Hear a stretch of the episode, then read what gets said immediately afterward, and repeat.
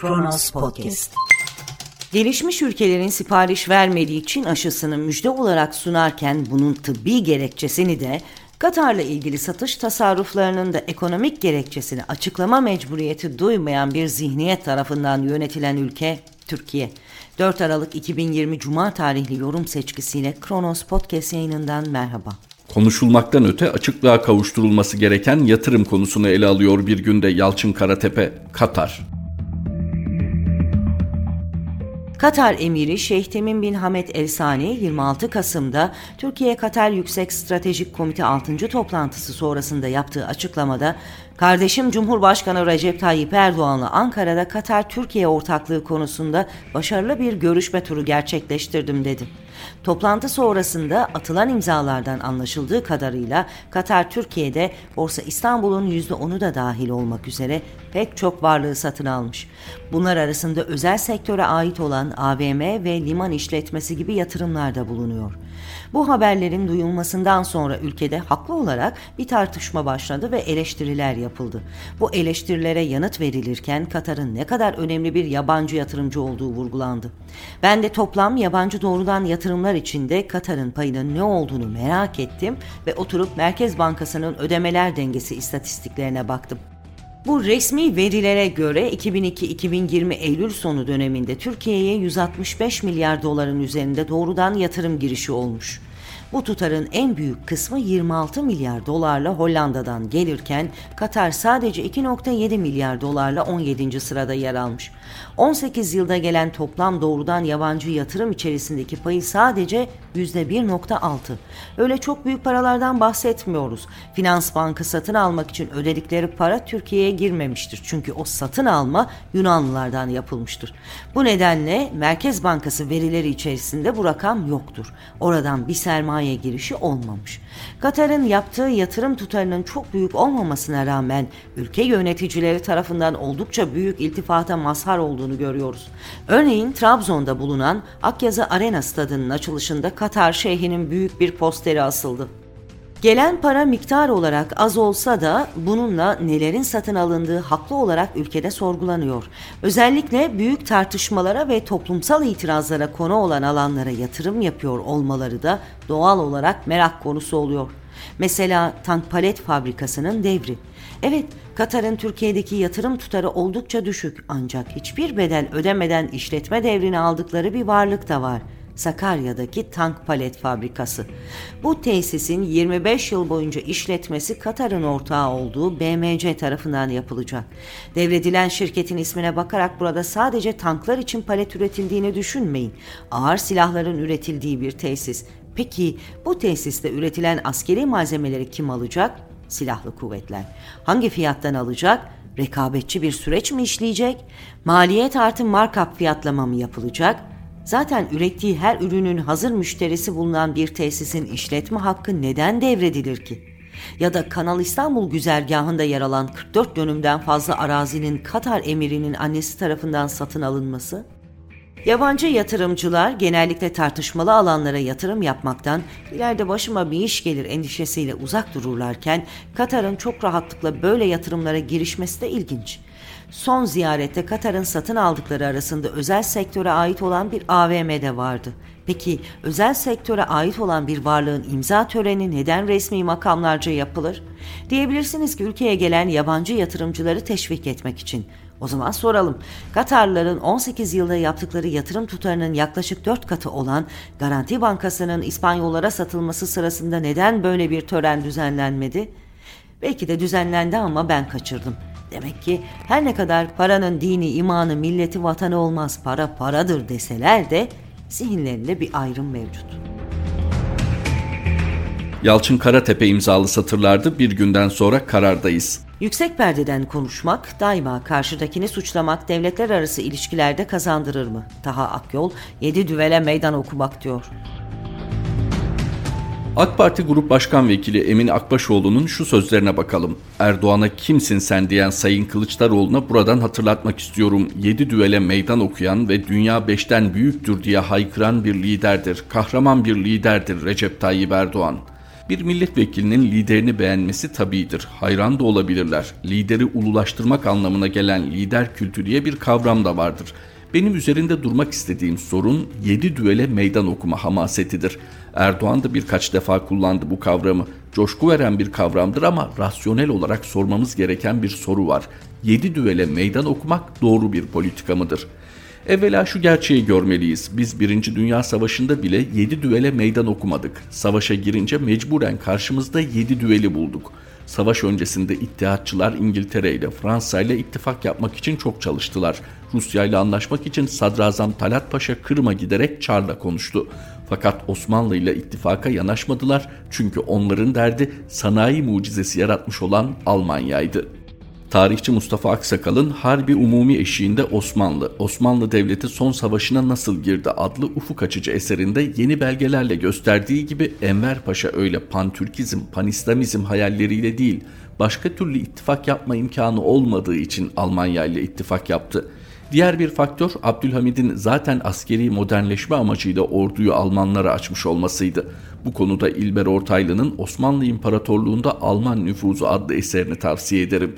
Birinci Dünya Savaşı'nı Türk kahramanlığıyla, Türk kanıyla fakat Alman endüstrisinin lojistiğiyle yürüttük.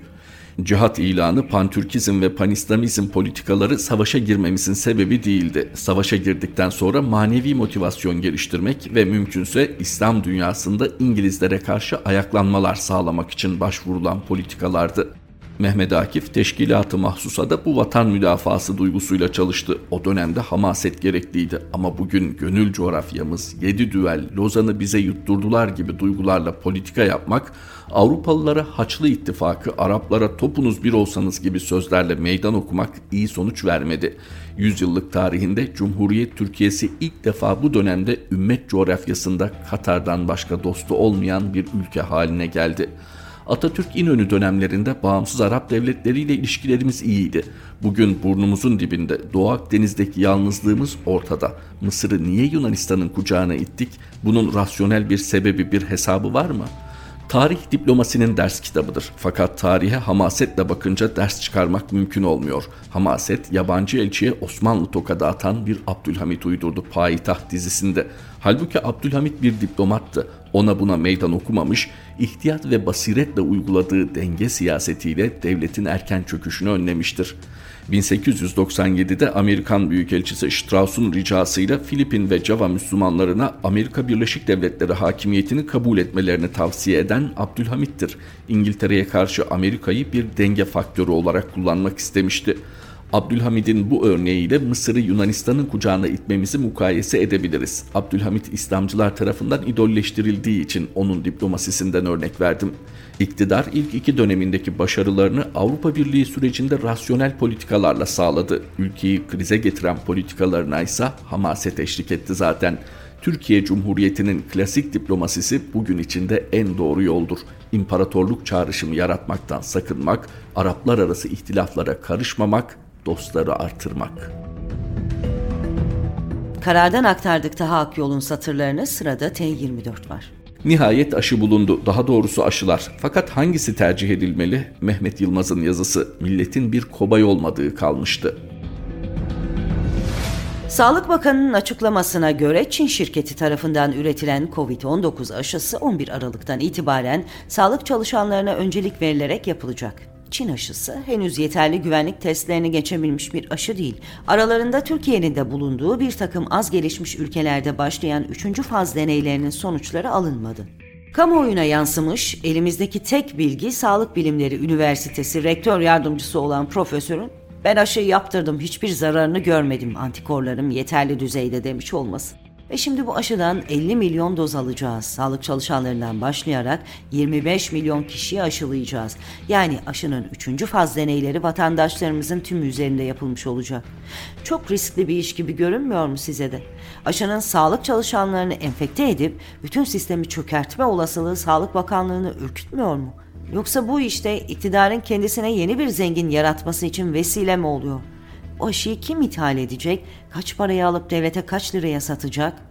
Bunları da bilmiyoruz ve bir süredir Türkiye'de kamu yönetimine hakim olan anlayışa bakacak olursak yiyeceğimiz tek kazık güvenli olmayan bir aşıya sağlığımızı teslim etmek olmayacak.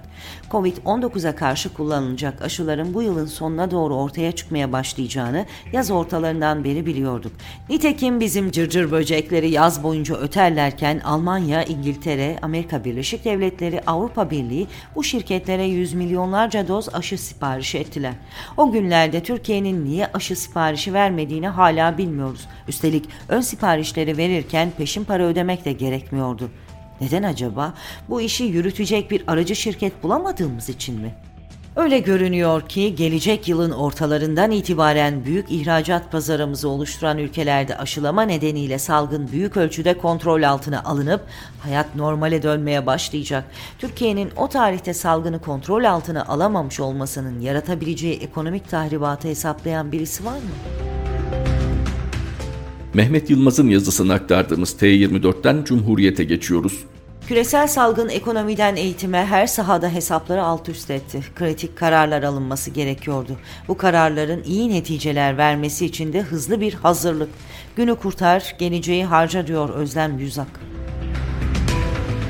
Eğitim ve öğretime erişim hakkı COVID-19'dan dolayı önemli oranda etkileniyor. Peki ne olacak? Eğitim dışı kalan ya da doğru dürüst eğitim alamayanları işsizlik ve belirsiz bir gelecek bekliyor. Bunun sonuçları sadece bireysel değil, toplumsal her kesimi yakından ilgilendiriyor. 1.8 milyon öğrenci bu ülkenin geleceği ve yarısından çoğunu göz ardı edebiliyoruz. Hindistan'ın Gujarat eyaletinde uzaktan eğitim sisteminin nasıl başarıyla yürütüldüğüne ilişkin bir yazı çarptı gözüme. 11.4 milyon öğrencinin olduğu bir eyalet Gujarat. Türkiye'nin 6,5 katı öğrenci var yani. Politika yapıcıların odaklandıkları en önemli konu eğitimde eşitsizliği azaltmak olmuş ve kurdukları sistem hayli başarılı. Evet onlar da bizim EBA tarzı evde öğrenme programı geliştirmişler. Peki ne farklı? Özetleyeyim, eğitim materyallerinin hazırlanması. Öğretmenler ve konu uzmanları sanal oturumlar için sunumlar da dahil olmak üzere yüksek kaliteli öğretme öğrenme materyalleri geliştirmek için işbirliği yapmış. Ders planları ve bölümleri özetleyen kilit noktalar. Çizim, hikaye anlatımı ve şiir gibi müfredatla ilgili etkinlikler içeren çalışma sayfaları oluşturulmuş. YouTube kanalları, Facebook, WhatsApp'ta ve basılı olarak fiziksel medya aracılığıyla dolaşan web bağlantılarından yararlanılmış. Bir sonraki adım her öğrenciye ulaşmasını sağlamaya odaklanmak olmuş. Gujarat eyaletinin özelliği eğitim müfredatında her konu için biçimlendirici haftalık testler olan periyodik değerlendirme testleri PAT sistemi kurmuş olması. Bu birkaç yıldır var olan bir sistem zaman tablolarına, programlarına bağlı ve öğrenme çıktılarıyla eşleştirilen soru kağıtları öğrenci yanıtlarını ölçmek için merkezi sistemlerle tüm okullara dijital olarak gönderiliyor. PAT verileri pandemi döneminde materyalleri dağıtmak ve uzaktan eğitimi her öğrencinin öğrenme seviyelerine göre kişiselleştirmek için kullanılmış. Hükümet ayrıca Microsoft Teams programından da yararlanmış. Teknoloji konusunda yetkin öğretmenler her biri 15 öğrenciden oluşan gruplar oluşturmuş ve sanal sınıflar düzenlemişler. Bugüne kadar yarım milyondan fazla sanal sınıf tamamlanmış. Dahası hükümet QR kodlu ders kitaplarının cep telefonuyla taranmasını sağlayan Ulusal Açık Dijital Bilgi Paylaşımı Altyapısı platformundan kapsamlı bir şekilde yararlanarak birden çok dilde bir kaynak dünyası açmış. 11.4 milyon öğrenciyi kapsayan eşitlikçi ama aynı zamanda kişiselleştirilmiş bir eğitim hayli iddialı ama başarmışlar. İyi düşünülmüş, kapsayıcı eğitimi odağa alan bir anlayışla. Destek için öğrenci ve velilerle telefon görüşmeleri hatta kimi zaman ev ziyaretleriyle sorunlar çözülmeye çalışılmış. Bu arada Gujarat'ın Dünya Bankası'nın hızlandırılmış öğrenme programının da desteğin arkasına aldığını söylemeden geçmeyelim. Bunlar önemli. Zaten teknoloji ve yapay zekanın iş yapış biçimlerini dönüştürmesiyle istihdam için gerekli nitelikleri sağlayamadan milyonlarca gencin işsiz kalacağı öngörülüyordu. Dünya Bankası raporuna göre 800 milyon. Pandemi bu durumu daha da kötüleştirdi. Önümüzdeki 10 yılda 1.3 milyar genç yetişkinliğe geçecek ve ekonomik döngünün içinde yer alacak. Türkiye'de ne yazık ki bunların hiçbiri gündeme gelmiyor, gelemiyor. Kısır siyasi çekişmelerin ben yaptım oldu politikalarının içine hapsolup kaldık. Cumhuriyet'ten aktardığımız Özlem Yüzak imzalı satırlar bu birlikteliğimizdeki son paylaşımımızdı. Gülden Gül Batıbay Şahin, ve Mehmet Şahin yeni yorum seçkimizde Kronos Podcast yayınında tekrar buluşmak üzere. Hoşçakalın.